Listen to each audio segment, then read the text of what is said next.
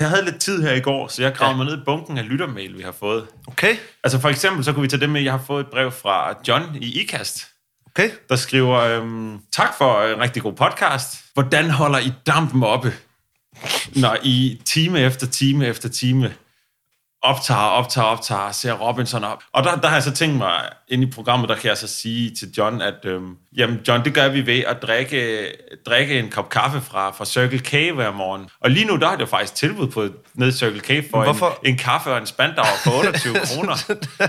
Hvorfor vil du sige det? har du fået kaffe fra Circle K nogensinde? Nej, altså, men det kan vi jo sige inde i radioen, jeg har. Hvorfor? Jeg kunne godt tænke mig, at vi kunne tjene nogle penge på det her foretagende på et tidspunkt. Nå, det er der, den ligger. Det er jo ikke sådan, at man bare nævner et produkt, Jeg tager jo selvfølgelig min podcast med ned og spiller den for dem nede på tankstationen. for det er ham, den 16-årige bag disken dernede, der vælger. Ej, men må det ikke, der falder lidt kaffe af. Jeg ved bare, hvis vi gør det en omvendt rækkefølge, får vi dem aldrig med på den, for de ved ikke, hvor godt det fungerer. Nej, hellere spørge om tilgivelse end tilladelse. Det ved jeg ikke, det, virker. det passer overhovedet ikke. Fyld tanken op, og fyld... Tanken op, som i hjernen. Wow! Wow! Okay. Det kan være, vi kan få lytterne til at... Hvis de lige kan hjælpe os lidt, når de alligevel sender, sender breve ind til os og stiller Stil nogle spørgsmål. ledende spørgsmål Ja, om nogle godt lige hjælpe produkter. os lidt. Ja. Ja, det Spørg ind til noget med Circle K, tak, når jeg alligevel skriver ind. Året er 1998. TV3 har sendt 16 mennesker ud på en øde ø i det, der skulle blive Danmarks første reality-tv. I 2018, 20 år senere, er to mennesker kommet i besiddelse af optagelserne. Robinson-ekspeditionen blev dengang kaldt nådesløs terror-tv i medierne, og udsendelsen samlede ugenligt op mod 1 million danske seere. Men hvad skete der egentlig dengang i 1998 på øen Pompom? Og er det overhovedet til at holde ud at se i 2018? Det vil jeres to værter finde ud af.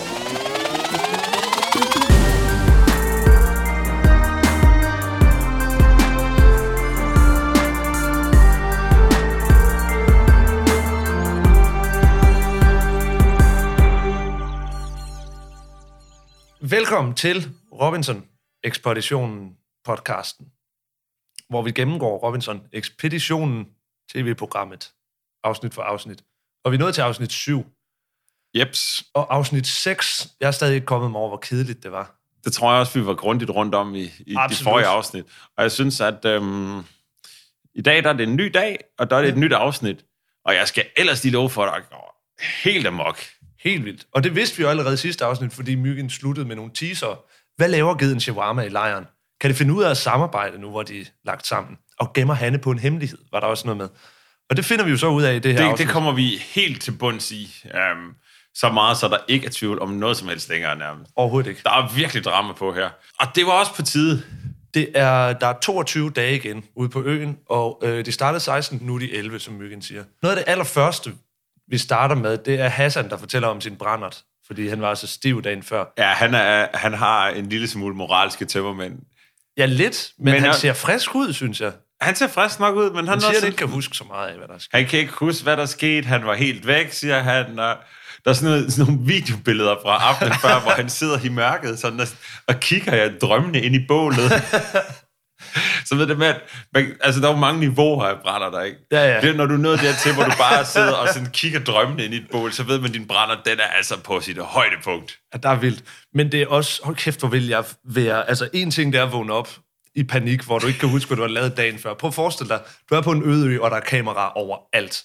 Og du har haft blackout. Og du kan ikke tage hjem til dig selv. Du Nej. kan ikke, fordi lad os sige, selv uden kameraerne er det jo helt forfærdeligt, fordi Ja, han ja. vågner op med, til, med vanvittigt mange det er så tømmermænd. varmt og fugtigt. Og, Og han, kan ikke, han, kan ikke, han er nødt til, hvis han har gjort noget dumt dagen før, så er han nødt til at være sammen med de mennesker, han har gjort det overfor. Altså, det har han nok ikke, men det er jo følelsen af det, den der tanke om, hvad nu, hvis ja. jeg har dummet mig helt vildt.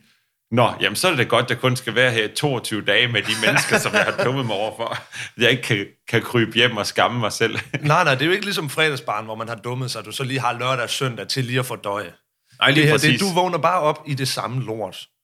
Men det tager han i stiv arm, og han har heller ikke været så pinlig igen, tror jeg. Nej, det har han ikke. Ej, det ved han vist også godt, tror jeg.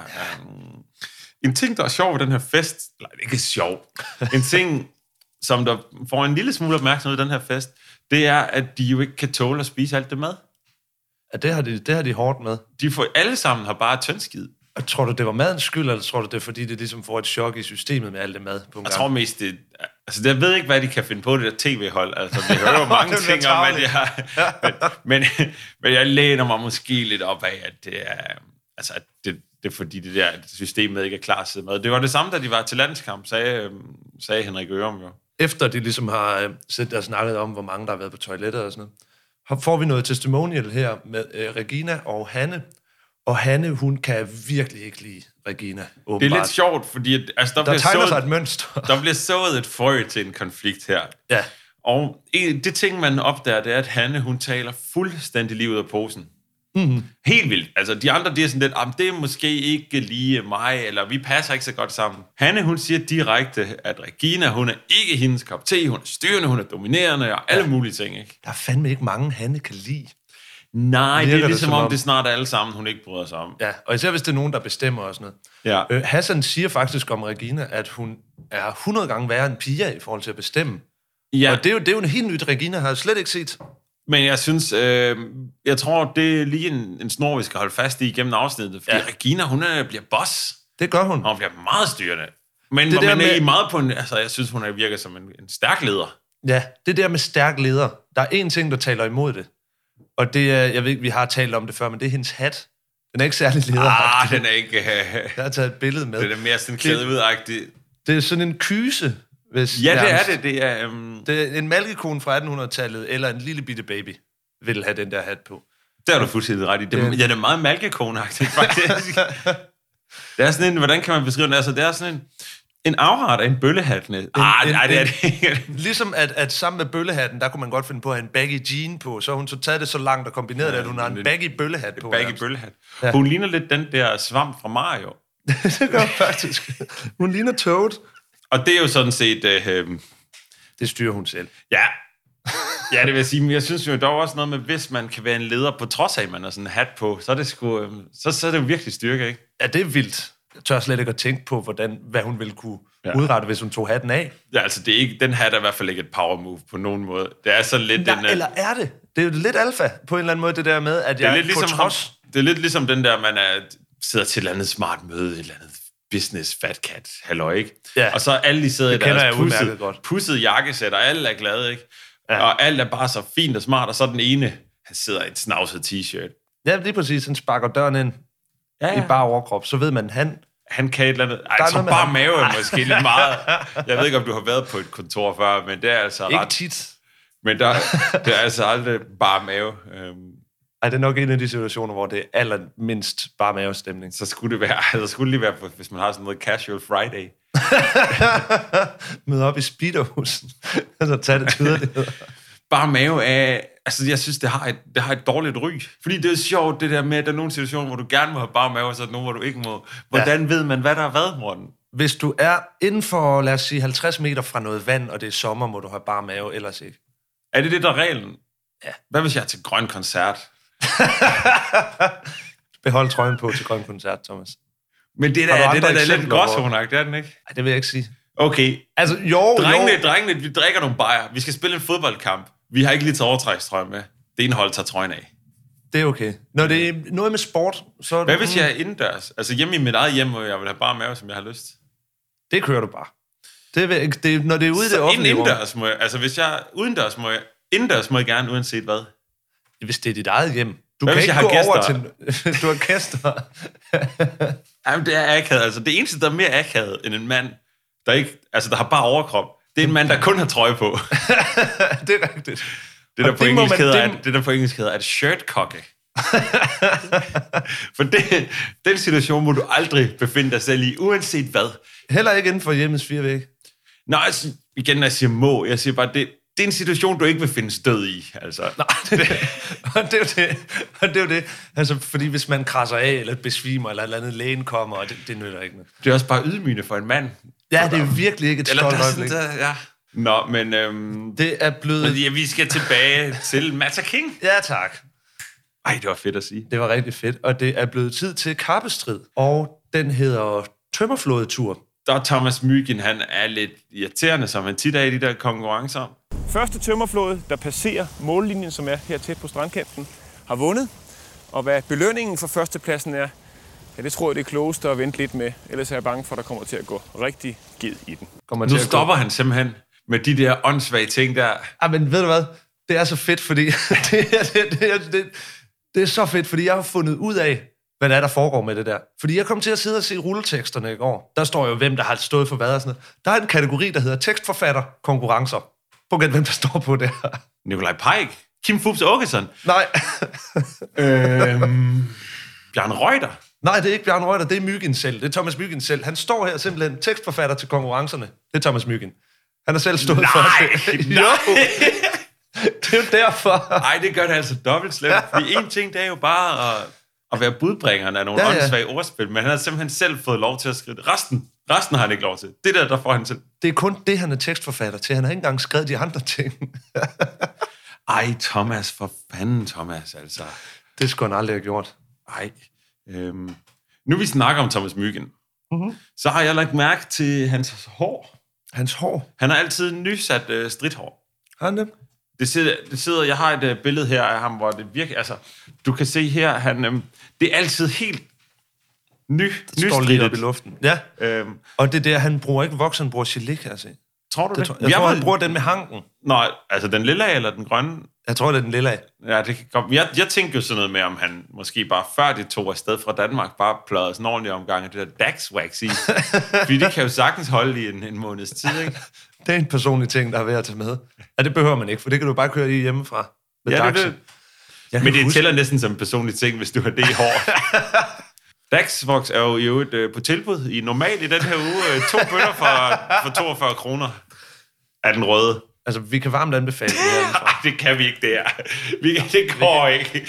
Vi kan ikke sælge ud på den måde, Morten. Jeg synes, det lød ekstremt naturligt. Det passede meget godt, ikke? Jo, så hvis du sidder derude, sådan faglig, med dine normale penge, så ring til os. Vi vil gerne, det er fint, vi vil gerne have en del af en lille bid af kagen. Bare en lille en. Nå, vi skal videre. Vi skal tilbage til kappestriden om Mata King. Ja, Det er det store Mata King regatta, siger Thomas Myggen, Ja. da lige da de går i gang. han ville så gerne have sagt Regatta King, tror jeg. Men det havde bare ikke rigtig fungeret. Regatta... Rema... Magata King? Ma, ja, præcis. Det ville han gerne have sagt. Der er jo nogen, der har læst hans tekster og godkendt det også. Men sådan en producer og ting. Thomas, det der, du har skrevet seks sider om den her ged her. Vi er nødt til at korte det lidt ned. Og Thomas, siger, men der er jo så mange gode ordspil med gider. Forstå det nu. Det er en dejlig simpel konkurrence, synes jeg. Der er ikke så meget pis. Det er til at fatte, hvad der foregår. Ja, de skal ligge sådan lidt på maven hen over en tømmerflod og bare padle løs. Ja. Og i Bike han vinder, og det gør han jo ved at udvise ren råstyrke. Og han Ja. vinder så en ged. Ja, og det er jo, det kunne man godt have regnet ud. Ja, også fordi, at det blev nævnt i teaseren i afsnit 6. Ja, og så synes jeg heller ikke, det er særlig kryptisk, det Thomas Myggen, han siger med, om der går givet. Nej, det ville være vildt underligt sagt, hvis det var, det ved jeg ikke, flaske rødvin, man vandt. Der er en ting ved øh, kappestriden nu, der har ændret sig fuldstændig, og det er jo, at du vinder en ting til dig selv. Lige præcis. Der er kun et hold. Problemet med det, det er, at næsten lige meget, hvad du vinder, nu ved jeg ikke, hvad de vinder i de næste afsnit, men så er man jo nødt til at dele det. Ja, lige præcis. Du kan ikke, lad os sige, hvis han vinder, altså en flaske rødvin, som du siger, er et endnu bedre eksempel. Ja. Forestil dig, at du vinder en flaske rødvin til kappestriden, og du ikke vil dele den med de andre. Du sidder bare selv og drikker dig halvfuld i en flaske rødvin ud på den der ø. Så tror jeg da godt, du kan regne med at få en billet hjem lige med det samme, der er ø-råd bagefter. Ikke? Absolut. Absolut. Men det er jo sikkert også noget, de bruger på en måde, hvor at, du ved, at så vinder man for eksempel en middag, og så må man tage en af de Ah, andre så skal med. Sådan ja, nogle ting. lidt, lidt splid og lidt konflikt og sådan. Ja, det tror jeg. Så øhm, efter det her er der en reklamepause. Meget tidligt i afsnittet, synes jeg, men det er måske sådan der. Det bliver dag nummer 26, og Gitte har fanget en fisk. Og det er jo det, jeg godt kan lide ved Robinson. Det er, når der er sådan noget, hvor de fanger nogle ting. De lever på naturens præmisser. Det er det. Og hun har fanget en rokke. Meget sejt. Hvad er det der? Hvad, hvad er det der? Ja, jeg ved ikke. Hvad, det ser da ulækkert ud. Ja, Jeg ved ikke, det, Det er nok... Øh, Jeg tror, det er en han. det var en ordentlig lille, og var sådan en lille fisk. Nå, okay. Fisken har en rigtig stor pik. Det er altså meget bøvet sagt, det der. Det var en ordentlig dild og var på sådan en lille fisk. Det her med, at de har fanget den her rokke, det bliver brugt som ligesom sådan en, sådan en segway over til en paradisø-montage, vil jeg kalde det. Ja, Bounty-ø kalder de det. Bounty-ø, ja. Og det, det virker som om, at King er en meget bedre ø end Pom Pom. Der sker mere, og det synes jeg er lidt åndssvagt, fordi At burde det blive sværere og sværere hen ad vejen, på en eller anden måde? Jo, men jeg tror altså, Pom Pom var en rigtig dårlig ø. En udbrændt askebær. Men jeg synes, en del af konceptet i programmet er jo, at de kommer til kommer af, af et lidt tropisk, eksotisk sted, Ja, hvor de kan fange en fisk og prøve at spise den og sådan noget. Fordi ellers så kunne du, du kunne sagtens have sendt dem til et ganske forfærdeligt sted. Så de ud og overleve ude... Rolle skov. Eller... Jeg tænker sådan noget i Sibirien, men ja. Ej, det kunne man nok. Hvis der alligevel ikke er noget mad overhovedet at finde på den ø, så kan man lige så godt bare putte dem ind i en idrætshal et eller andet sted. Som Det er sådan. jo et andet, det er et andet program. Ja. Men det kunne også have været et godt program, ja. Det her, den her montage med, at det hele er så idyllisk, og det er en rigtig dejlig ø, og der er et par stykker, der siger, at det er rigtig dejligt, og så, så rammer den. Der er rotter overalt. Ja, så er det ikke særligt. overalt. Uanset Så er hvor dejligt det er, hvis der er rotter over det hele, er det altså ikke dejligt. Hassan siger det her med... Eller der er vi lidt tilbage til Der er vi her. tilbage til krigerpoeten her. Jeg har taget det med. Prøv at høre. Men vi skal lære at leve sammen, og så nødt til at lære hinanden at kende, og så lære at leve med hinanden. Det er bare, Hvis det ikke er smukt, så ved jeg ikke, hvad der er smukt. Mener han leve med hinanden som personer, eller leve med rotterne? Rotter er jo det også sådan en slags mennesker. Er det sådan samme eksistens med alle klodens dyr? Det tror jeg. Og så begynder vi at ramme noget, jo. Altså. Der er han altså vis her. Der er han en poet. Det der, det vil jeg gerne have på sådan en mulepose eller noget. Kan vi, skal vi have lavet noget merchandise? Jeg en tænker, jeg tænker lige Med hurtigt, Hassan-citater. jeg tænker hurtigt musemotter. Ja, musemotten, den er vigtig. Den kan man, fordi den kigger du på hele tiden næsten. Sadle musemot. Findes sådan et stadig nærmest. Det har jeg ikke set ind i mange år, hvis jeg siger, hvad helt ærligt. Ej, det får vi lavet, det får vi tilbage. Det er også meget 98-agtigt. Jens, han snakker om, øh, at han er så sulten, og han er fristet til at spise den her ged, som man i øvrigt har kaldt shawarma. Men så Og finder det er han- faktisk derfor, han kalder den shawarma. siger Ja, ja. Men han siger så, at han finder ud af, at gedemælk er utroligt dejligt. Det smager nemlig rigtig godt, og så får han ligesom, så bruger han geden på den måde. Øhm, de overvejer lidt om, om de skal lade den her gris, undskyld, ged. Sagde du ko? Jeg sagde, jeg sagde gris, og det var forkert. Men mellemtingen mellem en gris og en ko er vel en ged, så Nej, nej, det er jo mellemting mellem en ko og en hest, du tænker på der. er det det? Nej, det er Ja. æsel. Nej. Det, tager, det er sådan den der skala med, hvor du har i den ene ende, så har du, i den ene, for den ene akse har du kat og hund, og på den skala har du rotte og hest. og så i det, den matrix, der kan du placere samtlige dyr, der findes. Det er det nærmeste tema i det her afsnit. Det er noget med mennesker, der taler unødvendigt grimt om dyr. Ej, jeg synes, det, det, det her med det næste der bare igen, så taler om den ged. Fordi det er jo, der er meget snak om, skal den slagtes, eller skal den bare malkes? Og der er ikke rigtig noget kød på den. Nej. Og Bayer Jens, han er blevet, Jens er blevet lidt glad for den ged. Jeg vil måske godt uh, have byttet den med en tur på uh, Burger King eller sådan et eller andet, men uh, nu har vi den. Og jeg er også meget glad for den, selvom den er fuldstændig hjernedød dum oven i hovedet. Selvom den er fuldstændig hjernedød dum oven i hovedet. Det er altså Det- unødvendigt. unødvendigt sprogbrug, det der. Den fucking... Den er så latterligt dum, den ged. Den fatter ikke noget, den fatter ikke noget.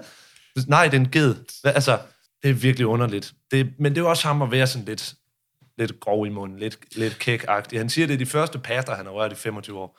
Og han siger jo patter. Han siger ikke patter, han siger patter. Patter. Ja. ja, altså det er ret sjovt, men at den her ged, den er hjernedød dum oven i hovedet, det synes jeg er så groft sagt. Den er jo en ged, Jens. den er dum i hovedet. Det, sådan er geder, de er ikke lige så kvikke.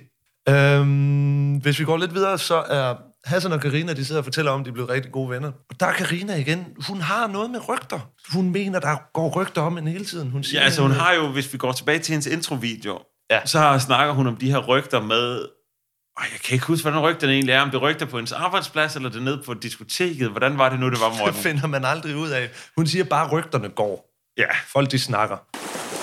Et rigtig godt venskab, vi har fået, og andet er der ikke i det. Øh, det er der mange, der laver nogle øh, historier og nogle fantasier om, men øh, så længe Hassan jeg ved, hvad der foregår, så er jeg egentlig ligeglad med, hvad andre tænker. Det er, hun er, igen, det, er- hun, hun er unødvendigt i forsvarsposition. Hun er meget sådan, der er ikke noget i det her. Hvis der er nogen, der tror, der er noget i det her, hvorfor skulle de tro, der er noget? Altså, vi er, helt, vi er helt tilbage til øhm, den her, i, jeg ved, kan ikke huske, om det er det første eller andet afsnit, hvor Bike Jens, han, han siger det her med, at han i hvert fald ikke har onaneret. Ja. Sådan lidt, indtil Karina hun siger det her, så tror man ikke, der er noget mellem dem. Men det, at hun siger det, så tænker man... Altså, det er der, rygterne begynder at svirre. Det er der, man begynder Ja, ja, at tænke, måske er der noget mellem Hassan og Karina. Men før hun siger det, der tror man ikke, der er noget. At det er så åndssvagt. Øh, men igen, det kan selvfølgelig også være taget i kontekst. Det kan også være, at, at de har spurgt hende, for man, i de her testimonials får man aldrig spørgsmålene. Nej, nej. Så man ved jo ikke, det kan være, at, at de har sagt, der går jo nogle rygter om jer to, hvad siger du til det? Så det kan jo være, at det er taget lidt ud af en kontekst. Det er det jo nok. Igen, så bliver det her brugt som, og så et lille frø til at fortælle om, hvordan stemningen er. Mm-hmm. For det næste, der sker, det er, at der går nogle rygter, ja. og der er noget konflikt. Og de snakker, altså, der var nogle sådan korte testimonials, hvor nogen er meget taktiske, nogen er overhovedet ikke taktiske, og Ja. det begynder, stemningen begynder virkelig at blive øh, spændt som en bue. Lige præcis ligesom en flitsbue. Og det, hvad er flits? Flits? Fordi du flitser den? Nej, det ved jeg ikke. Det er fordi, den siger flits. er- Flits. Det er lyden af en bue. Flitsbu. Jeg tror heller ikke, altså jeg tror faktisk også, at det med at kalde det en flitsbu, det er kun noget børn, de gør faktisk. Jeg tror ikke voksne, de kunne finde på at kalde det en flitsbu. øhm, der er faktisk nogen herinde på Wikipedia, der har en diskussion om det, Nå, hvor de siger, jeg sidder lige og slutter med en kollega om ordet flitsbu og betydningen til det ord. Vi er nogen lige nogenlunde med på, hvad en bu er, men hvad er en flits? Har denne del ord betydning for sig selv, og hvis ja, hvilken? Får? Øhm, øh, flits betyder pile på noget rigtig gammeldansk for flere hundrede år ah. siden. Og faktisk er det med to s'er, altså flits. Ja. interessant. Og det er jo fordi, at, at pilen er meget fleksibel til, at- til, at- til at lave en bue af, måske. Nej. Nej, det er jeg ikke. Prøv lige en gang til. Okay. Hvorfor tror du, at flits, det betyder pil? Fordi man skyder med bue og pil. Bingo. Det er ikke, fordi du bruger et piletgren til at lave en bue af. Ej, okay, det... oh, nogle gange, ikke også? du, du skulle tage og prøve at bo inde i det her hoved. Det er ikke behageligt. Det fatter ikke noget. Det er en helt glat hjerne. Der er slet ikke nogen rynker. Altså, der, der føler jeg nærmest, at jeg er nødt til at, at citere Biken til at sige, at du er da fuldstændig hjernedød dum oven i hovedet. Det kan jeg godt mærke. Jeg fatter slet ikke noget. Jeg tror, du kan redeeme dig selv ved at genfortælle Hanne og Mortens beef, der, der starter her. Hvad er det, der foregår? Øh, han og Morten, de hader hinanden, og det har vi ligesom fået at vide mange gange. Men der sker så det, han og hun fortæller, hun er meget teatral, som hun fortæller, hun maler virkelig nogle billeder. Hun fortæller, at Morten har givet hende en seddel på et tidspunkt. Før et tidligere ø der har Morten været ret sikker på, at Hanne ville blive stemt hjem. Så derfor har han øh, skrevet en lille seddel med øh, telefonnummer til hans kæreste og hans forældre, som han så giver til Hanne og beder Hanne om at kontakte, fordi han savner sin kæreste så meget. Kan du ikke lige ringe til min kæreste og sige, at jeg er okay? Den måde, det bliver fortalt på her, er vanvittigt kompliceret. Ja, Altså, når, når du forklarer det, så er det, altså, det er måske et kvarter af afsnittet kondenseret ned til, til det, det egentlig handler om. Han ønskede, at jeg skulle stemmes hjem, fordi han syntes, jeg var den fysisk svageste, og måske øh, brød han sig heller ikke så meget om mig. Øh, det var så gensidigt, skal jeg da være ærlig og indrømme, selvom jeg godt kan acceptere ham som en ung mand, men, men han stod mere for mig som en tyrannisk spejderleder end, end et, et ordentligt stykke mandfolk, som jeg egentlig godt synes, man kan tillade sig at sige, at en ung mand på 7-28 år skal være. det er meget voldsomt. Ja, men En jeg synes bare, altså, jeg vil sige, det er voldsomt. Og, og det er ret groft, men vi er jo nødt til, altså, nu skal vi heller ikke være for hårde ved Hanne. Nej, For jeg synes, Morten, han, han siger, at han synes, at Hanne, hun er svag, og han ikke bryder sig om hende. ja. Og det det er er også lidt fordi, sjovt, han har den der survivor-ting. Det er det, han går op i. Det var det, ham Ja. og Pia gik op i. Vi skal bygge, vi skal få det til at fungere, ja, så- hvor nogle af de andre, det- vi skal nok overleve. Altså, Ja. der er ikke nogen, der går, de går ikke lige så meget op Men i det. i afsnittet før, der er Morten, han sidder og lader som om, han har det rigtig fint med Hanne stadigvæk. Ja, Og kører lidt det der mor-Hanne-ting stadigvæk. ja. Som om det bare er hende, der ikke kan lide ham, men hvor han så stadig godt kan lide hende. Men jeg tror, at det, der er sket siden det sidste afsnit, det er, at Morten han har fået nok. han gider ikke. længere. Han gider ikke mere. Og jeg tror faktisk, at altså, når vi kommer lidt senere, så, øhm, så springer konflikten ud fuld flor, og det er meget ubehageligt. Det bliver serveret lidt anderledes, end det ville blive i dag, tror jeg. Men det, det synes jeg, vi skal komme tilbage til. Absolut. Ja. Hanne, hun siger nogle ting her, som jeg tror ikke passer. Hun, ja. Fordi hun siger, at det med, at Morten har givet hende den her seddel, Ja. men han siger, hvis du gør det for mig, så lover jeg, at jeg ikke stemmer på dig. Og det er jo lidt mærkeligt. at han Ja. skulle gøre det, fordi at hele ideen med, at hun skulle have sædlen er jo, at hun skulle sendes hjem. Så det, det, Det er altså, rigtigt. Det hænger ikke sammen i hvert fald. Nej, det er meget underligt. Men jeg tror altså også, igen, Hanne, hun er jo under pres fra alle sider, fordi hun kan godt mærke, at der nok er mange, der ikke kan lide hende mere. Ja, Ja. Så jeg tror simpelthen, det er sådan ren og skær. Hun skal bare prøve at komme igennem det hele, og så kan det være, at lige bliver kastet en enkelt løgnhistorie ud af ærmet for, ja. for at komme videre, ikke? Hele i Danmark er på den anden ende. Det er Robinson. Robinson-fiberen raser. Det vil jeg sige, den gør. Og der er jo blevet udviklet et øh, Robinson-kortspil. Det er Hasbro, der har lavet et øh, Robinson-kortspil. For eksempel er det Hasbro. For eksempel Hasbro har lavet lige præcis det her. Der er også nogle andre, der har forsøgt. Men det var det her, jeg synes var bedst. Jeg kan lige, og det synes jeg, vi skal prøve at spille. Jeg kan lige kort forklare det. Jeg kan, du har fået en lille seddel her, med, øhm, hvor du kan se en oversigt Og over... det her, det her spil er jo selvfølgelig symbolerne. noget, som I derhjemme også kan, nemt kan få fingre i. Ja, Øhm, det er selvfølgelig lagt til... Øhm, Faktisk findes der, så vidt jeg ved, en gratis udgave, som man så selv kan downloade og printe ud. Ja, der findes en prins selv udgave, og den sørger vi selvfølgelig for at dele. Kan du hurtigt lige sætte os ind i, hvordan det foregår, så kan vi teste, hvordan spillet ellers virker? Lige præcis. Det foregår på cirka samme måde som bilkort. Kan du huske bilkort? Ja, altså du har nogle forskellige kategorier. Ja. Øhm, topfart, hvor mange cylinder har den, hvor mange hestekræfter, Vægt, hvor mange kilometer kører den literen. Og så, sådan noget. så har man nogle kort hver, og så lægger man et, og så, så den, der har det højeste i den kategori, man vælger, har så Ja. vundet. Ikke? Ja, okay. Lad os sige, hvis jeg får lov til at starte, så må jeg så vælge kategorien. Så gælder det om at finde den kategori, der passer, der er bedst ja. på det kort, man har. Og kortene, det er så selvfølgelig de 16 deltagere fra Robinson-ekspeditionen Ja. ja. 1998. Så giv mig, giv mig nogle kort. Hvad er kategorierne her? Fik du sagt det? Kategorierne er overlevelsesevner, og så hedder den stra- øh, hold-on, så hedder den strategifaktor, og så hedder den sidste, de har kaldt den karisma. Jeg ved ikke, om jeg synes, det er det bedste navn for den. Men du har også topfart med, kan jeg se. Ja, så har vi så også topfart. Og Hvordan det er, har du, det hvordan har du øh, målt det? Jamen, det er jo ikke mig, der har målt. Jeg ved ikke, hvordan Hasbro har gjort det, men jeg kunne forestille mig, at der er jo nogle af konkurrencerne her, hvor de... Øh, Nå, hvor de har hvor været inde og se på tv-optagelserne måske. Præcis, og så kan du jo måle, hvis du ved, hvor lang afstand de skal løbe cirka, og du ved, at det, hvor mange frames i sekundet. Ja, altså, ja, du- så kan det man, du kan man sagtens bare, ud. og det er klart. Og alle de andre er jo selvfølgelig også meget objektive. Ja, ja, lige præcis. Øh, okay, Øh, jamen, øhm, det- så du starter, synes jeg. Ja, jeg sidder her med... Øh, bum, bum, bum, bum, bum. Jeg siger topfart. Henrik Ørum, topfart. 24 km i timen. Nej, der har jeg Hanne Nørholm. Hun har en topfart på 15 km i timen. Så vinder jeg så den.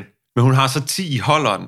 Ja, Det, er- altså, det er det høje. Det er jo fra 1 til 10, de her ting. ja lige præcis. Det går fra 1 til 10. Så du synes, Hanne hun har, får en topscore? Nej, Hasbro har synes, at Hanne får en, en topscore i, i, de i holderen. snakker, de snakker næsten ikke om andet end om, altså i hvert fald i de tidligere afsnit, jeg ved ikke, hvor, man kunne forestille sig måske inde ved Hasbro, de har lavet det her spil omkring, når de har set fire afsnit eller sådan noget cirka. Kunne jeg forestille mig, at det er der Det, omkring, det, de har det, det, det. kunne jeg også godt forestille mig, de har. Nå, så vinder du stikket. Lad os lige prøve Og igen. der se, snakker de jo meget om det der med, at Hanne, hun er, um, hun er hele holdet, hele hold Syds mor, der hjælper dem. Og Det er forstået, og, det er forstået. Hvad er så den næste så? Åh, den er ikke så god igen, den her. Karina Winter, hold on 6. Ah, Stig Lauritsen, 7 i holderen. Ej. Jeg tager stikket. Okay. Christian Sjøgren, topfart, 25 km i timen. 25 km i timen. Hold da op, han kan spurte. Der har jeg Natterbanken 23. Det er også fordi Christian, det var på rulleskøjterne, tror jeg. Han kan jo se, hvordan var det nu, otte gange så mange kvinder ved at være på Det rulleskøjter. Okay, så tager jeg en ny en her. Så tager jeg overlevelsesevner. Ja, Det er Gitte Snell overlevelsesevner. En syver. en syver. Der er Hassan, han har kun 6. Øj. Det er jo det, han snakker virkelig meget om, hvor sulten han er hele tiden. Og Ja, han det skal gør også have nogle flere kalorier. Altså, han er jo den store mand. Ja, ja. Men Altså, der er også mere tror, han- tære af, jo. Hassan er nok ikke sådan en langtidsoverlever. Han er sådan en, der kan overleve hvad som helst. Der rammer jo lige med det samme. Altså, han Ja, er ja. mand, der vil blive stående igennem en tsunami, ikke? Ja, han blev skudt i maven af sådan en kanon. Ja, det vil ikke røre ham. Nej. Nå, skal vi tage en til her? Ja, tak. Nu skal du se her, for jeg har jo Regina Pedersen. Okay. Strategifaktor 8. Strategifaktor 8, der har jeg Pia Hornhoff. Hun har kun 7, og det er fordi, at hun blev stemt. Altså, det ja, tænker hun røg ud hurtigt. Hun, ud, jo. hun har så, og hun har ni overlevelser, fordi hun er virkelig en stærk overlever, ikke? Helt vildt. Vi er lige ved, at jeg er ved at vinde det her, tror jeg. Det tror jeg ikke på. Øh, jo, jeg har trukket Morten Kirchhoff. Overlevelsesevner 10. Den kan du simpelthen ikke slå, du kan ikke. Jeg har 7 på Jens. Satans. Øj, det er vigtigt. Satans. Og Jens ellers sætter det gode kort. Han er både... Og han er faktisk god all-round. Ja, han er sådan all-rounder, og han, men han piker klart i karisma. Okay. Til sidst, så får jeg så vores... Jamen, jeg Ah, vil det er dårligt kort, det her, det er Jokeren. Henrik Jarl. Shit. 9 i karisma. Ah, Katalin Sørensen, hun har kun fem i karisma. Ja, hvor er det Ah, vigtigt. Jo, jo, jo. Nej, Jeg fik hvordan, et stik. Ja, ja! Ej, du er så god til at lave det, Hassan. Det vil så sige, at jeg har vundet. Det var Jeg et kun enormt et godt stik. spil, det her. Det er rigtig godt. Det kan jeg klart anbefale alle at prøve at spille. Ja.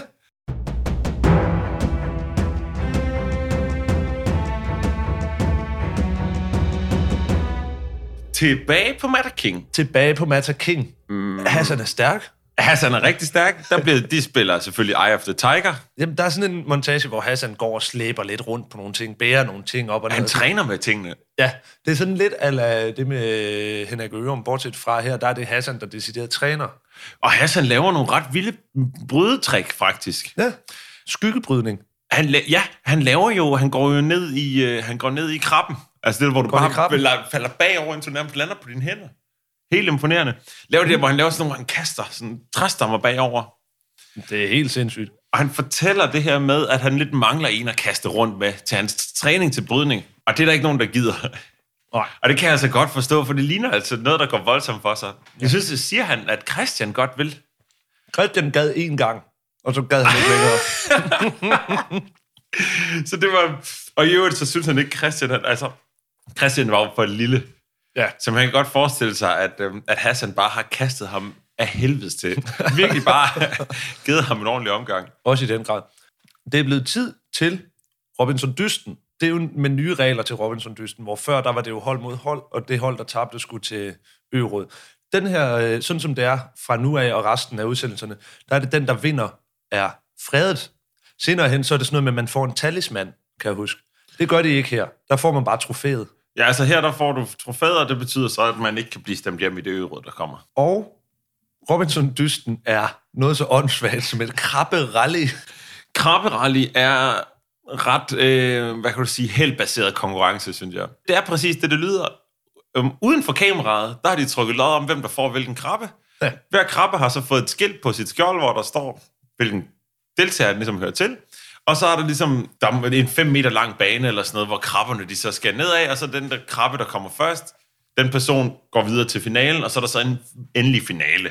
Og de Ja. må stå og vifte lidt med nogle grene og hælde lidt vand på krabben, men ellers må de ikke røre ved dem. Det gælder om at, at, at lokke sin krabbe til at, til at løbe hurtigt Ja. over målstregen. Og der er så nogen, det går godt for, og så er der nogen, der det går knap så godt for. Det går ikke godt for Hassan. I hvert fald. Den anden var idiot. Kom så med dig for fanden. Musikken er god, og han kalder krabben en idiot. det, det kan det der med, du, altså et dyr, Kan ikke et være en lille dyr, idiot. kan, jeg synes simpelthen ikke, en krabbe Hvad kan være en det, idiot. hvad var det, han kaldte hønsene på et tidspunkt? Nej, det var det med, han, han kaldte dem torsk. Det var det. det er underligt gjort, for det er et andet dyr, der hedder det i forvejen. Jeg ved ikke, om det er mere eller mindre fjollet, end at kalde en krabbe for en idiot. Hvor klog regner han med den er? Ja, det ved jeg ikke. Øhm, Ole og Regina vinder første og anden heat-agtigt, så de skal i finalen. Ja, det er godt. Kom der, kom der. Kom så! Rigtig godt stå der. 1, 2, 3, 4, 1, 2, 1. Og så er! Ole vinder, og jeg tror, det er på grund af hans øh, ligesom, øh, bekræftende ord til krabben. Han ved jo, han har tavn på den krabbe der. Så det vil sige, at Ole han er fredet, men det er også lidt, øh, altså Ole var nok en af de kedeligste, der kunne vinde, fordi jeg kan ikke forestille mig, at Ole nogensinde, altså på, det, på nuværende tidspunkt, vil være en, som nogen vil stemme på. Nej, han er ikke rigtig en trussel for nogen. Nej. Og han er, han er fra det gamle Hold Nord, hvor de holdt meget sammen, så der er ikke ja. det der med, at alle vil rotte sig sammen og stemme på ham. Nej, fordi altså, hvis det nu var at, at holde syd, hvis det lykkedes dem at få rådt sig sammen, de er jo i, de er jo i overtal. Så vil de jo stemme på en af ledertyperne fra holdet. ikke? Ja, ja. Men der vil, ja, der vil de jo aldrig stemme på Ole, fordi Ole, han er jo ikke sådan, der sidder og styrer det taktiske korthus, som ville klappe sammen, hvis det var uden ham. Det er det jo ikke. Lige præcis. Overhovedet. Men der er virkelig mange forskellige forsøg på at lave alliancer og sådan noget der. Og At det virker som om, at efter den her konkurrence, hvor man har fundet ud af, at det Ole, man ikke kan stemme på, så er det ligesom om det bare er en, altså en stor omgang øhm, lokumsaftaler, hister her, hvor alle de prøver at aftale alt muligt med hinanden, om hvem man kan stemme på, hvem man ikke skal stemme på. Og, og Hanne, hun har nogle testimonials, hvor hun nærmest bare hader alle de andre, faktisk. Ja, ja. Katalin er uforskammet. Hun er direkte uforskammet og flabet. Og det har hun prøvet, om hun kunne komme igennem med over for mig. Det lykkedes hende ikke, og det blev hun så sur over. Og så har jeg Regina, som jeg øh, ikke, egentlig ikke bryder mig om. det er altså sådan, det der med, at hun ikke bryder sig om de forskellige, det er altså lidt, det er altså lidt hårdt. Jeg tror virkelig, at de har klippet hende til, at nu er hun ond. Hun siger jo altså de her ting, uanset hvordan man vender drejer det, siger hun jo de her ting, der er lidt nederen. Ja, ja, det er rigtigt. Men hun er også bare lidt mere direkte end mange af de andre, der sidder og fitter med, med det. Er det rigtigt? Der er mange gange, hvor især sådan, når Regine bliver spurgt noget, hvor ja. Ja. hun sidder og ligesom pakker det hele ind. Ja, ja, og det tror jeg bare ikke, Hanne gør, og det er da meget forfriskende på en eller anden måde.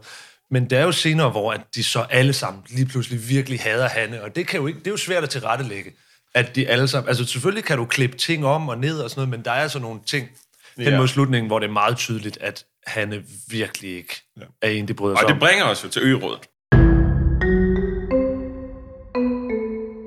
Jeg synes, det er kompliceret ved det her øråd, for jeg kan ikke rigtig finde ud af præcis, hvad der er foregået. Nej, i det hele taget synes jeg, det er sådan lidt, lidt underligt fortalt. Altså, det er fedt, der er en masse drama, men der er simpelthen for meget drama. Der er for mange tråde, der er for mange Ja. løse ender, og der er ikke, noget, der er ikke nogen rigtig historie i det, fordi det, det er sådan noget med, folk snakker i krogene. Det er det eneste, man får at vide Kan du, kan, du huske i, kan du huske i folkeskolen? Så sad man og sendte brev rundt til hinanden i klassen. Ja. Hvor man må sige, det var gerne noget, man havde skrevet et eller andet, der var lidt, lidt for frækt til at sige højt måske. Arne er en prut, kunne der stå. Det kunne der sagtens stå. Og så Ja. Taiwan, måske kunne det være tegnet en dealer. Måske ja. der kunne stå alle mulige ting, der ikke var så spændende. Ja. Så bliver den sendt rundt, indtil den kommer over til øh, en eller anden lidt dukseagtig type, der afleverer den til læreren. Mm. Læreren vælger så at læse den højt. Og det er præcis det, der er sket til det her øgeråd. Det er, at Thomas ja. Mygind, han, han har givet den her seddel, som Morten har lagt i Hannes taske. Den har Thomas Mygind, den læser Thomas Mygind op. Og han har faktisk jo ringet hjem til Mortens forældre, han, fordi deres telefonnummer jo står på den. Ja. Øhm, Og der er lidt noget mærkeligt noget i det her. Fordi Hanne, hun påstår, at Morten har lagt den her... Hun påstår to modstridende ting. Ja. Først så påstår hun, at Morten, han ah, vil give hende den her seddel mod, at han så lover ikke at stemme på hende. Ja. Samtidig siger hun og så det har også, vi snakket om, det giver ikke rigtig det giver mening. ikke rigtig mening. Samtidig siger hun så også, at Morten bare har lagt den i hendes taske. Ja. Mod hendes vilje. Det kan ikke være begge dele. Nej, det synes jeg altså heller ikke. Den, den, den køber jeg ikke alligevel. Men til gengæld, prøv lige at se hendes ansigtsudtryk, når Thomas Myggen læser op. Ja, hun ser Hun tilfreds, og hun kan Hun rigtig nyder. godt lide at få ned med nakken. Ja, også fordi de har gået og hadet hinanden så længe, de to. Men der er Morten, han er altså også ude på dybt vand. Ja. Altså, han siger noget med, at han vidste, han ville, han var helt sikker på, at han ville, ja, det, altså i forrige afsnit, var helt sikker på, at han ville ryge ud. Og det er jo ikke sådan, det var i det afsnit. Og der er nogle ting, hvor Morten, han måske også lige, hvad kan man sige, kritter banen lidt skarpt op. Øhm, og Hanne, hun siger så direkte, at han lyver, og så er der ellers bare helt vildt dårlig stemning. Altså, Det passer ikke, Morten. Du sagde, kom bagefter og sagde, jeg har lagt en seddel i din rygsæk til dig. Det var det, jeg lige sagde. Og der sagde jeg til dig, jeg kan intet love dig. Skid ned. Hanne, hun valgte så at give den til jer. Så, Ja, men og, og, og, og den er jo, altså... Man kan ikke manipulere og behandle mennesker, som du har gjort. Det kan man altså Manipulere ikke, så du og, grine af det. og behandle mennesker, som Morten har Ja. gjort, det må du nødt til at uddybe. Det. Ja, men det gør han altså. Ja, han, han, han forsøger at oppiske en stemning. Han forsøger at give så meget chikane imod mig, at han forventer, at nu vil jeg tage over. Nu vil jeg begynde at blive gal. Men i stedet for, så har jeg holdt lav profil og stukket fingeren i jorden. det, det, er, er så, det er så sindssygt. Det er også, så den måde, det foregår på, det er ikke en samtale mellem to personer. Nej. Det er Hanne og Morten, der sidder og skændes, og så er der en gang imellem nogen, der lidt, sådan lidt lige ruller lidt med øjnene i baggrunden af Hanne, eller lige bla- bryder lidt ind og siger, ja, ja. Ja. Og så Thomas Myggen lige pludselig blander sig. Det er en helt vildt akavet situation. Det er klart Helt den vildt. mest akavede situation, der har været i, i hele det her indtil videre. Ja, der kommer en lige om lidt, som er endnu værre næsten. Men, men, men, det, jeg synes, men det, der er med det her, som jeg synes er... Jeg synes faktisk, Hanne er den, er, er den, der håndterer det her skænderi bedst. Hun taler direkte til Morten. Morten sidder og laver den der røv irriterende, hvor han sidder sådan og griner, og sådan, Han, som han, om han er, ekstremt nedværdigende overfor Ja, ja, på den der måde, hvor han... Det er lidt, hører I det her? Han sådan kigger rundt på de andre sådan, har I hørt, hvad hun siger? Er det ikke skørt?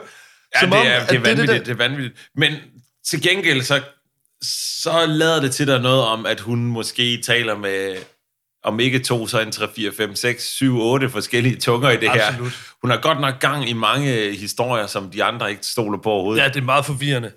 Og det er svært at, at hitte hoved og, hoved og hale i, hvilke historier, der egentlig er blevet sagt til hvem og hvornår og sådan noget. Det. Men, men jeg synes igen, den her måde, at de, at de skændes på, er lidt sjov, fordi Morten han er så passiv-aggressiv. Og vi har alle sammen prøvet det der, når det er, at man står i en situation, hvor I ved, man er i en eller anden situation, hvor så det er gerne, hvis der er et kærestepar med, som er sådan et kærestepar, der har sådan lidt turbulent forhold, hvor at så lige pludselig, så er man, så er man tredje mand i deres skænderi, Hvor, hvor og de så sidder og lader, snart- som om de... Altså, den ene sidder måske er lidt sur, og den anden sidder og lader, som om det er lige meget. Enten, ej, hvor hun fjollede her på hende. Nej, nej, nej. Ja, enten det, det passer, eller også, så, taler de, så taler de til mig, som om, at det, altså, hvor de taler til hinanden, men igennem mig, sådan, Nå, Morten, hvordan har du det med, hvis, øh, kunne du nogensinde finde på at, at gøre sådan nogle ting? Og så sidder man der og melder sig ind. eller det altså, så man lige pludselig, det ved jeg ikke, hvad, jeg ved ikke, hvad jeg skal sige. Nej. Jeg har sådan en fornemmelse af, at uanset hvad jeg svarer... Jeg har lyst til bare at kravle ned under bordet og gemme mig.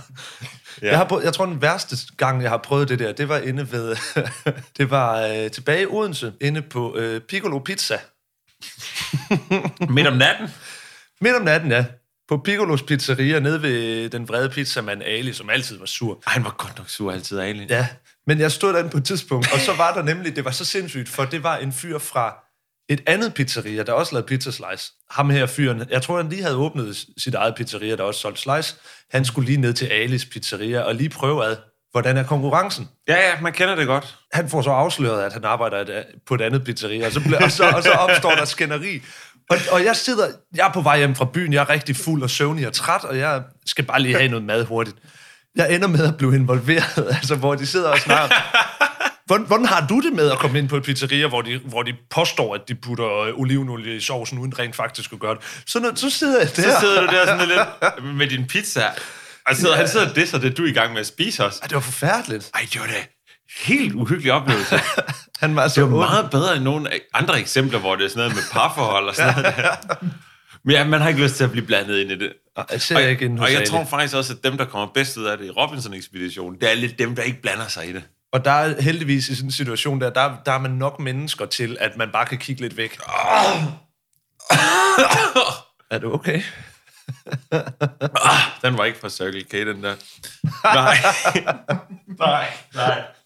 Deres, deres kaffe kan man jo ikke få galt i halsen, faktisk. Det er det, der, de har. Det kan ikke lade sig gøre. Den, den lå lige ned. Direkte. Du kan bare bruge den der trak, du også bruger til at at skifte olie. Det er smart. Det er nemlig smart. nej, nej, nej, nej.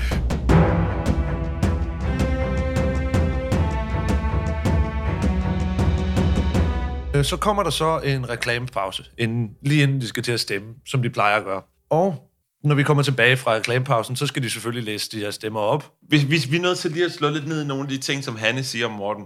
Ja. Hun siger, at Morten jagtede hende. Ja. Og så tænker man, hvad er der sket der? Så viste det sig, at det hun mener med, at Morten har jagtet hende, det er mere, at... Øhm, altså, det er mere, at han har sagt til hende, hun skulle hente brænde. Ja. Og sådan er der ret mange ting, at når, altså, hvor hun Den siger et eller andet, situation hvor du har så, vi jo set. Ja, det er nemlig det, der er sjovt. Der er mange af de ting, som Hanne siger, det er, når man så finder ud af, hvad det egentlig drejer sig om, så går det op for en, at, at hun nok siger ting lidt anderledes. Så mange af de her ting, hun siger, der er helt vildt sindssyge, de er ikke helt så sindssyge, hvis hun fik lov til at forklare, hvad det egentlig var. Nej, det er lidt sjovt, at de ikke kører, fordi at, så sidder Katalina og, og snakker om, det var altså, Hanne, det var fordi, du havde fundet, du kom tilbage med sådan en lille håndfuld vådt bark. Altså, Ja. det var det, hvor at, der kunne man jo med fordel rent faktisk lige have klippet tilbage og vist, hvad det egentlig var, der skete. Fordi. Ej, det er altså også, et- det, det var hårdt at gøre. Altså, ja, jeg synes, det er lidt meget. hårdt på den måde. Det havde været virkelig, det var, det var altså skarpt klippet, så det er virkelig en skarp vinkling at tage, hvis du på den måde kan udstille hende med videobevis. Det er jo ikke Operation X, det her med Morten Nej, nej. Spiegelhauer, vel? Nej, desværre. Men det er jo påstand mod påstand, og du har beviset. Ej, det havde været irriterende, hvis han var redaktør på Robinson-ekspeditionen. Det havde, han havde været endnu mere utålig at høre på end Thomas Myggen, når det er, at, at han skal lægge op til øgerådene og sådan nogle ting der. Der vil være mere gåen frem og tilbage, tror jeg. Ej, det vil, han, det vil være meget noget med, at han kommer gående ud. Altså, hvert klip, hvor han snakker til kameraet, vil starte med, at han kommer gående ud i horisonten, og så går hele vejen hen til kameraet. At det, det ville være, altså det havde det været måske mere interessant. Man kunne måske gøre det som sådan en, altså sådan en, en ekstra ting. Have ham med også. Altså, du har Tom, Morten Spiegel holder bare, åh, som en grævling, du ved, ikke? Bare bider ind til, ind til knoglen knækker, ikke? Til det knaser. Der skal Ja. putte koks i uh, gummistøvlerne, hvis der er, Thomas. Ah, det var en gammel røverhistorie, det der. der var så mange andre ting, der er farligere i en skov. En grævling. Nævn fem. Branden eller... Bjørneklo. Nej, øhm, en, en, øhm, en ulv. Ulven, ja. Ulven er jo kommet til Danmark. Men det var For den ikke flere den- år siden. ja, ja. Ulven er kommet. Men der er kan man jo følge TV2's fem råd mod ulve. øhm, og jeg tror ikke, vi skal snakke så meget om de fem råd, men vi kan overveje at lægge dem op på vores sociale medier, hvis der er. Det tror jeg faktisk, For det er, Fy, slemme ulv. ja, der er også noget med at skælde nogle dyr ud. Okay, Morten bliver stemt ud. Ja. Og det er tydeligt, at det er planlagt. Hold Nord, de har aftalt, at de alle sammen skal stemme på Morten. Ja, og de ved, Hold Syd ikke har kunne finde ud af at forene sig nok til Ja. at... Og der oven i det er der noget med, at jeg tror måske, de har fået Hanne med. I, de har også lavet, Måske. der, De har der bliver lidt altid, de har lavet, at de i hvert fald har forsøgt at sige til Hanne, at, øhm, at hun skal være med til at stemme Morten ud. Ja. Og når Hanne bliver i de her testimonials, som du kalder dem, der antyder hun, at der har været noget, men at hun ikke hopper med på deres tricks, og hun kører sit eget strategiske spil. Ja, At men hun det er jo snor med alle sammen hun- om sin lille finger. Prøv at tænke, hvis det var, at de kommer hen til hende og siger, ved du hvad, Hanne, er du ikke med på vores hold? Så stemmer vi alle sammen på Morten. Hvis hun rent faktisk havde tænkt sig at stemme på Morten fra starten af. Men det er jo nok det, der har været tilfældet. Og jeg tror, Ja. men der tror jeg, at Hanne, hun vælger en ret god strategisk øh, vinkel, hvor hun ligesom siger dem, nej, måske gør jeg det, måske ikke, I kan ikke, I ved ikke, hvor I har mig. Spørgsmålet er, om Morten han så skal hjem og ringe til Hannes familie. Det tror jeg ikke, han gider. Det tror jeg også godt, du kan med, han Men ikke også tænkt bare det der med et telefonnummer på et lille st- stykke papir, kan man ikke, altså, kunne man, altså, du kan vel slå op i en telefonbog for fanden. Altså, du kan da finde ud af, hvad de her mennesker hedder. Det er ja, det, det, det, at du, det, du er jo meget god til at finde ud af, hvad folk de, hvem folk de er. Altså, jeg synes, det er ikke, det er ikke mange dage siden, at jeg lige pludselig står med Stig Rossen i røret. det var fedt. Der er overraskende mange danske kendiser, der ikke har hemmeligt nummer. Og ja, men sige, det betyder kan- jo ikke, at du skal ringe til dem. Det betyder, at man kan ringe til dem, Thomas. Det betyder ikke, at du skal ringe til dem. Nej, man kan. Og Det så er det da nemt. ikke. så er det da nemt bare lige at slå Stig Rossen op, og så stikke dig telefonnummeret og sige, det er Stig, han vil gerne snakke med dig, og så står du der og panikker, og så kører en freestyle rap af til Stig Rossen. Ja, det var ikke, det var ikke så godt igen. Jeg synes, det var meget, meget godt. Det var pænt af dig. Er det med, at han kørte rundt på motocrossen. Nej, jeg synes, det, Ej. det havde han fortjent.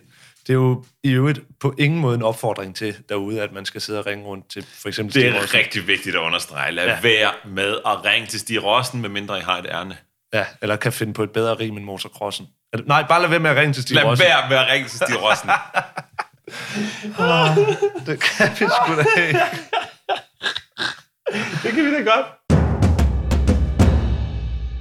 Ørådet er slut, og man tænker, hvad nu? Afsnittet er jo ikke helt slut endnu. Dramaet, det fortsætter.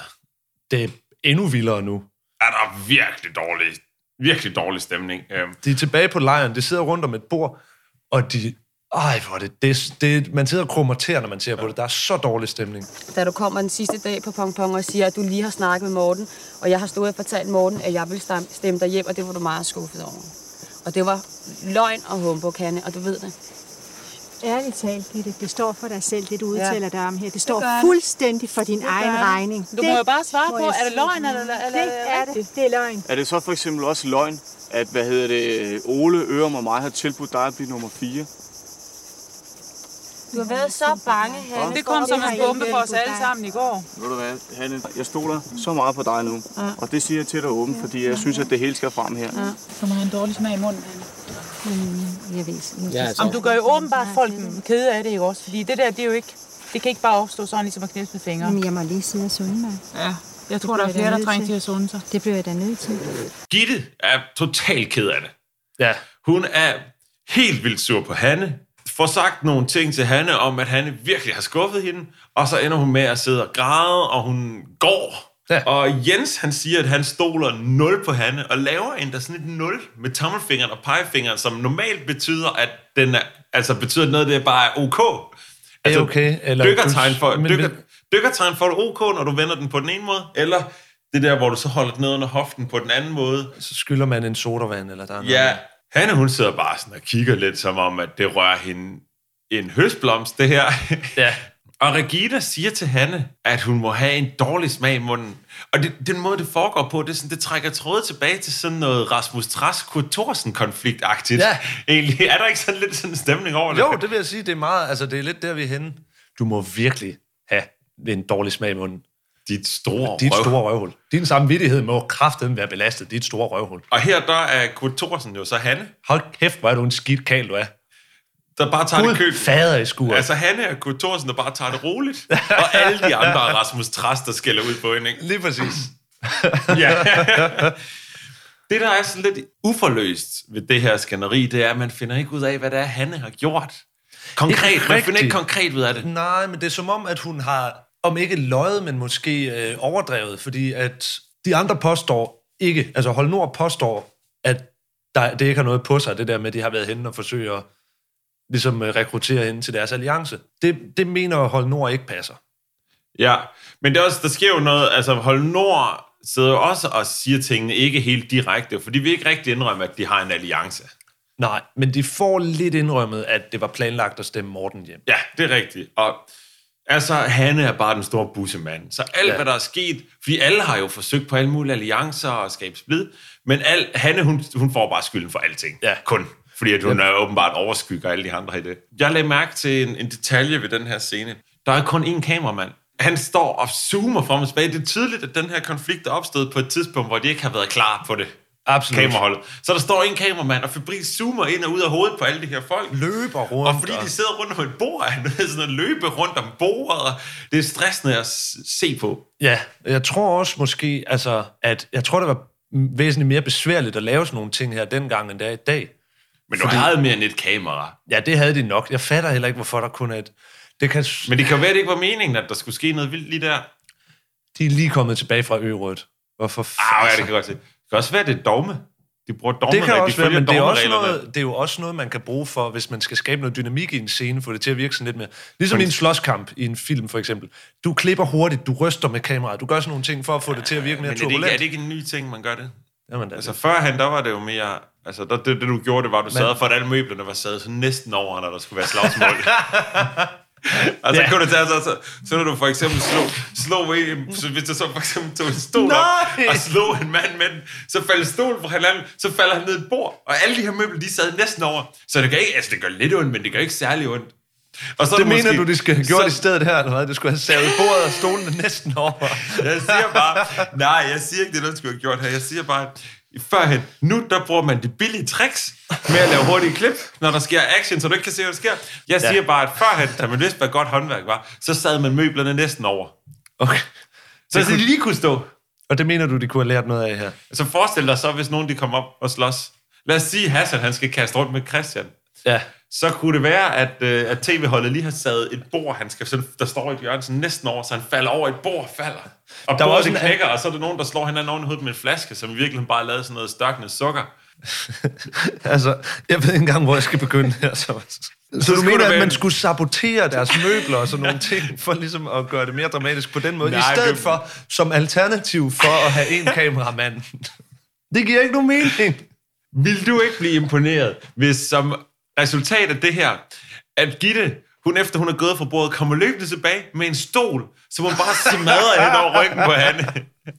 Jo, det vil være meget bedre tv. Der vil du sidde og blive fuldstændig sige, nej, det kan man ikke. Og jeg vil sidde og tænke, ah, de har sikkert den næsten over. Så er det slet ikke noget, der går ondt på Hanne, det der. Hvis du skal holde en vild fest, ikke? Derhjemme, så skal du tage alle de møbler, og så save dem så næsten over. Og så når der kommer slåskampstemning, så kan jeg love dig for, at det bliver vildt. Du siger, når der kommer slåskampstemning, for det gør der jo. Ellers er det Det er ikke en fest. uundgåeligt, ellers er det ikke en fest, nej. Nej, det er rigtigt. Det, der er typisk er med slagsmål, det ved jeg ikke, om du har set en film før, men altså, der er, der er typisk det med, der er måske to personer, der kommer op og slås over et hjørne, gerne over et spil poker. Ja. Det, det er næsten altid over et spil poker. Gerne, og det er fordi, at lige pludselig så er der måske syv eller otte S'er eller sådan noget på Ja, der er bordet. en, der har fundet ud af, at ham, den, han bare har haft en 3-4 S'er op i ærmet, og ja, han ja. har sådan, åh, nu har jeg 6 ens eller sådan noget, ikke? Ja. Og så begynder de at slås, så er der andre, der siger, der er et slagsmål derovre. Det kan være, at det er Ib Mosin og Ebbe Langberg måske, der står, står i den anden andet. lokalet. Ja. Ja. De begynder så at slås med hinanden. Ja, de ser Og- deres snit, det er sådan ligesom... Men de går ikke Det- med i slagsmål, de går med i deres eget slagsmål, og så bliver det et stort slagsmål til Det er, sidst. som, det er ligesom om, det er ligesom det der til en... Det er sådan en anden... Til, Det er, måske danse, en- det er dansegulv jo. Ja, ja. Er dansegulv. DJ'en Når er floor, gang. hey, floor er åben, floor er åben, og så er man i gang. Alle begynder ikke at danse med hinanden, men alle begynder sådan at danse lidt rundt, ja. indtil det bliver en stor dans, som jo så er et det er ligesom, spørgsmål. det er måske en lidt anden type fest, men når verden han tager sin jakke af i sit jakkesæt, så må alle andre også godt. Det er nogenlunde det samme, bortset fra, når, når en gokker en anden mand oven i, oven i nøden med, en- med en tom flaske whisky, hvor der bare er tre ekser på, den er sådan ja. keramikagtig, så må man godt begynde at slås. Og så ved man, at der er en tyk mand, der tager en tynd mand og kaster ham hen ad bardisken, så han glider Ja. hele vejen hen ad den, og hans hoved rammer sådan en lille klokke, ja. der ringer. Og man ved, at, øh, at bartenderen, han, er- han ryster på hovedet, sætter sig ned bag bardisken og begynder at drikke whisky. Og man ved, at hvis det, og man ved, at hvis det er i starten af filmen, eller nej, det kan man jo ikke sige. Hvis man ved, at det er i starten af virkeligheden, så ved man, at, at scenen den slutter med, at, at man filmer ud på saloons dør, og der er en meget stor mand, der tager og kaster hovedpersonen ud på gaden. Ja, har fat i kraven og bæltet. Ja. Enten det, eller også så er der en, der, der stikker af så hurtigt, at han løber igennem væggen og efterlader sådan en kropsformet hul. Jeg tror, det er nogle forskellige fester, vi har været til. Ja, det er i hvert fald ikke den type fest, der er ude på, øh, på Mata King. Det er i hvert fald ikke overhovedet fest. Men hvad synes vi om, om den her slutscene her? Fordi jeg synes, der er rigtig meget drama på, og det har vi hungret efter, men det, det, er, under, det er dårligt fortalt lidt, for det er så uspecifikt. De- snakker om, at folk lyver, men vi ved ikke om Ja, hvad men man får specifikt. ikke de helt specifikke løgnhistorier. Nej. ud. Og det Og, jeg synes måske også, der er for meget drama. Altså det... Ej, ej, ej, det er måske ikke fair nok. Men jeg synes, det er en ubehagelig situation, fordi det er ikke sådan en, sådan en drama, hvor nogen er mod nogen. Det er meget, hvor alle de bare er imod Hanne, og hun sidder der, og jo jo, hun har da været manipulerende, og hun har løjet og alt det der. Men man kan også godt lidt... Jeg synes, det er synd for Hanne, når hun sidder der, og hun bare har en hel gruppe mennesker, der er hårdt imod hende. Ja. Altså, det må da ikke være sjovt, uanset hvad man så har gjort. Det er lidt vildt at sidde herhjemme i Danmark og have set det afsnit, og så fryde sig morgenen efter, når man ser Ekstrabladet køre spisesedlen. Alle hader hadehanne. Hvor det er sådan, altså det er lidt, at, at folkestemningen... Stakkels kvinde, altså. Ja. Også bare fordi, jeg tror... Det, det er jo en, det er jo en analog løjet. shitstorm, der har været over hende. Ja, Ja, ja. ja. Det er fuldstændig vanvittigt. Ja. Ja, Nana fortæller om, at der har været de der, der har været hadehanne grupper på internettet og sådan nogle ting der. Det er helt vildt. Men også fordi, at måske har hun løjet, men jeg kunne også forestille mig, at Hanne har overdrevet. Fordi hun er sådan meget teatralsk og s- Ja, meget jeg sådan, tror, der er en del af det, hvis vi skal give hende lidt credit, så er der nok noget misforståelse noget af det, hvor hun overdriver lidt, og så bliver det taget for lidt for gode varer. Ja, Øhm. og så er hun den eneste af de her fucking mennesker, der er klar i spyttet, når det er, hun fortæller om de andre. Og det, som jeg glæder mig til, ja. altså jeg er nået der til, hvor jeg næsten ikke kan vente med at se næste afsnit. For jeg synes, det, det her, de et hold, det er meget mere taktisk, det er meget mere spændende nu. Ja. Og jeg kan slet ikke, man kan slet ikke forudsige, hvad der kommer til at ske. Altså, Hold Nord står virkelig skarpt. Jamen, det gør de, Og men... nu er de jo så 5 mod 5. Ja, altså Hold Nord er det, jo stadig samlet, men altså, hvad med den næste, der rører ud? Altså, fordi jeg tror ikke, Hanne, hun rører ud sådan lige. Fordi at hun er ikke rigtig nogen trussel mod nogen, så jeg tror, det bliver sådan noget, det bliver totalt taktisk, og der skal nok ja, komme nogle alliancer på kryds og måske tværs. Det, måske det, men samtidig så har både Gitte og Christian siddet og sagt direkte, eller især Christian sidder og siger, gider ikke godt stemme på mig næste gang, jeg gider simpelthen ikke være her mere. Jamen, det tror jeg skifter. Det må simpelthen Ja. tippe over, for det er så, det er så dårligt. Hvad er det bare, jeg siger? Det er så, så dårligt. Sådan en god hold. Det er dårligt. Det omvendte af, hvad er det, en god Det- holdning, eller hvad Det er det omvendte af Dannebro. Han kigger på Christian og siger, du er det omvendte af Dannebro. det siger han, Nej, det er mærkeligt. Det er ikke sådan, det virker. Nej, men det, det synes jeg er et dårlig stil. Ja, og det er da også, altså vil virkelig være, tror jeg du så ikke, der har været en producer inde og sige til ham, ej, kan vi ikke, kan du, kan du godt lige blive lidt? Om ikke andet lade som om, du gider blive, fordi det er fandme da kedeligt tv, hvis der Ja, sådan, det går ikke, at du bakker ud af det. Du kan ikke være ham der Karsten fra Gift ved første blik. du kan ikke være Christian Brøns fra uh, Big Brother, der stikker af fra, fra uh, Big Brother-huset. Stak han af fra Big Brother-huset? Det er ham og to andre, de stak af fra Big Brother-huset. Ah. Altså, det var den første sæson af Big Brother, ikke? Nice. 2001. Det var altså kedeligt, synes jeg. Det gider jeg ikke lave en podcast om. Jeg gør ikke. Det var så kedeligt. Nej, nu skal vi også lige først igennem 20 sæsoner af Robinson-ekspeditionen, plus at de bliver nok ved med at lave det her, så det er faktisk nærmest Faktisk er vi faktisk set for live med det her. Hvis vi skal lave det her resten af vores liv, Thomas, det er, så er vi dem. Jeg ved ikke, om jeg gider være dem. Skal vi være dem? Nej, jeg vil ikke være ham, det der, ham, der har committed mig til noget på den måde der. Jeg vil ikke typecaste sådan. Under alle omstændigheder synes jeg, at vi er trådt ind i et... Altså, hvor jeg troede, at vi i afsnit 6 ville træde ind i et nyt kapitel. Den afgørende fase, som øh, Thomas Myggen kalder Ja. det. Den lod lige vente på sig. Nu er den kommet. Fordi afsnit 6, der skete ingenting. Det var bare sådan Det er, altså, det er virkelig action pack nu her. Det er så spændende. Det er noget helt nyt, vi skal i gang med nu her. Og afsnit 8 er også, vi er også over halvvejs nu. Godt over halvvejs. Det begynder også bedst til. Det synes jeg, det gør. Og jeg glæder mig ekstremt meget. Det gør jeg også. Øhm, Hvad lukker vi den på? Hvad, vi lukker enten hvad er ugens citat? Det, jeg synes enten det er det Hassan, der kalder en krabbe for en idiot, eller det med, at Biker han siger, at den der ged er fuldstændig hjertedød oven i hovedet. jeg synes, det med krabben er sjovest.